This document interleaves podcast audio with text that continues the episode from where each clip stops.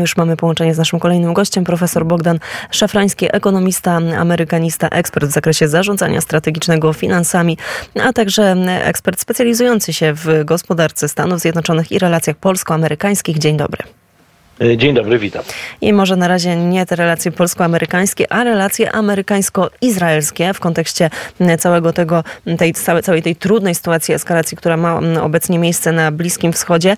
Czy Joe Biden dzięki temu byciu takim ogromnym sojusznikiem, przyjacielem Izraela, znów zostanie prezydentem Stanów Zjednoczonych? Tutaj takie głosy się pojawiają, że no Donald Trump w, w, w chwili takiej poważnej już próby gdzieś odwrócił się od Benjamina Netanyahu i na tym zyska Joe Biden. Czy to w ogóle ma jakiś, czy, czy to może się faktycznie przełożyć na e, wybory e, i na decyzje Amerykanów? No, jeśli y, będzie tak, jak pani opisała, to być może, że tak, że Biden na tym zyskuje, a Trump może tracić, ale do samych wyborów mamy jeszcze ponad rok. Co więcej, nie wiemy, czy rzeczywiście Biden i e, Trump będą kandydatami e, dwóch rywalizujących partii e, na urząd prezydenta, no to są dość wiekowe osoby i nie wiadomo, czy za rok będą miały jeszcze siły, wigor, żeby rzeczywiście starać się o urząd prezydenta. Natomiast rzeczywiście Biden, przynajmniej moim zdaniem, zdobywa plusy tak się zachowując, e, e, można powiedzieć jeszcze kilka tygodni temu, tym bardziej kilka miesięcy temu, był duży chłód między mm, Netanyahu a, a, a Bidenem. E, tu warto dodać, że Biden 50 lat temu po raz pierwszy przyjechał z taką oficjalną misją do Izraela, no i takie były taka pewna sinusoida, w szczególności jeśli chodzi o relacje z premierem Netanyahu. Natomiast no, ostatnie tygodnie pokazały, że e, prezydent Biden no, potrafi się odnaleźć w tej sytuacji i być może, że dostrzegą to wyborcy. No właśnie, a skoro chodzi o samych wyborców, jak wyglądają nastroje społeczne, a także może nie, może najpierw zacznijmy od nastrojów politycznych. Jak to wsparcie i taka jasna deklaracja prezydenta jest odbierana przez poszczególne e, partie i także jeżeli chodzi o pomoc, która płynie cały czas ze Stanów Zjednoczonych dla Ukrainy? No to można powiedzieć, że e, większość w kongresie i w senacie, czyli obie partie jako, jako większość wspierają pomoc e, zarówno do, e, skierowaną do Ukrainy, no i teraz spodziewaną dużą pomoc do Izraela. Natomiast jest pewna grupa w partii republikańskiej, a republikanie mają większość w kongresie, e, który jednak decyduje o wydatkach dużych sum, e, jeśli chodzi o pomoc zagraniczną, to e, oni dość chłodno traktują tą pomoc, no i stąd się biorą problemy pewne, szczególnie, że republikanie kilka tygodni temu odwołali swojego spikera, czyli naszego takiego marszałka mm, w kongresie i bez takiej osoby y, no, praktycznie sparaliżowany jest y, kongres. A z nami w studio jest e, Andrzej e, Karaś. Andrzeju? Tak, e, dzień dobry panie profesorze. Mm, skoro jesteśmy już przy temacie, temacie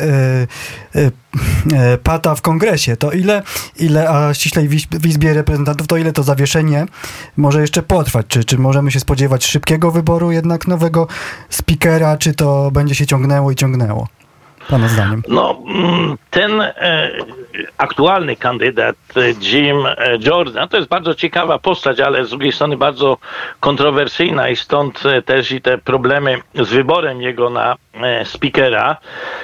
Jest pewien pomysł, żeby wybrać takiego tymczasowego speakera, który no, nie budzi tych kontrowersji, ale to jest pewna proteza. Ona jest, wydaje się, potrzebna po to, żeby uruchomić e, kongres, żeby mógł e, normalnie e, pracować i żeby można było nie tylko pomoc dla Ukrainy i dla Izraela przegłosować, ale również, żeby przegłosować wydatki rządowe na sferę publiczną amerykańską, bo jeśli nie będzie kongres działał, no to może być ponownie problem z tym takim government shutdown, czyli wielu pracowników, no w tym również są żołnierze służby federalne, no mogłyby przez kilka dni czy kilka tygodni nie dostawać swoich wynagrodzeń. Także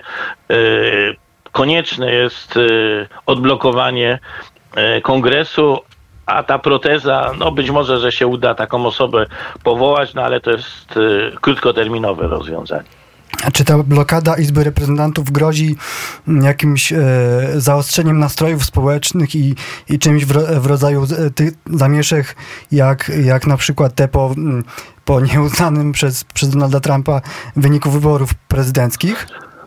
No to, to już za daleko e, idące domy, żeby aż takie były e, problemy, e, ponieważ e, tego typu problemy, żeby na przykład nie, nie móc e, przegłosować pieniędzy dla e, sfery federalnej, publicznej w Stanach, to od lat się to zdarza, natomiast to, że speaker został odwołany, no to jest e, jeszcze dodatkowa e, komplikacja, natomiast żeby akurat to e, doprowadziło do tak poważnych konsekwencji jak te dwa i pół roku temu, no to wydaje mi się, że raczej nie. Natomiast sytuacja w Stanach jest widać taka płynna, dynamiczna, są osoby, którym może zależeć na, na eskalacji tych, tych e, no, niezbyt dobrych nastrojów i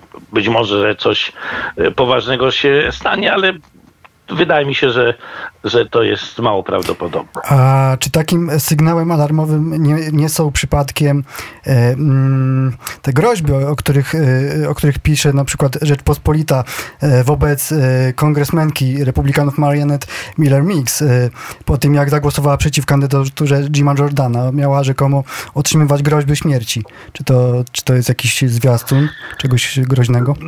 Czy no, to, to znaczy że są e, szaleńcy albo tak, tak działający. No mamy przypadek 71-latka, który zaatakował e, niewinne dzieci u nas w Polsce.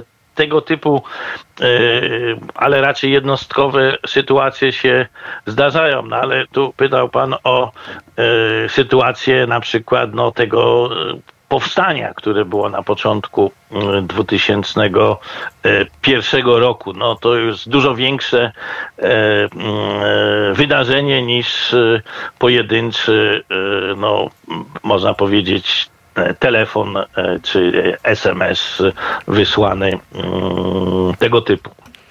Panie profesorze, to teraz jeszcze na moment spójrzmy na relacje amerykańsko-polskie.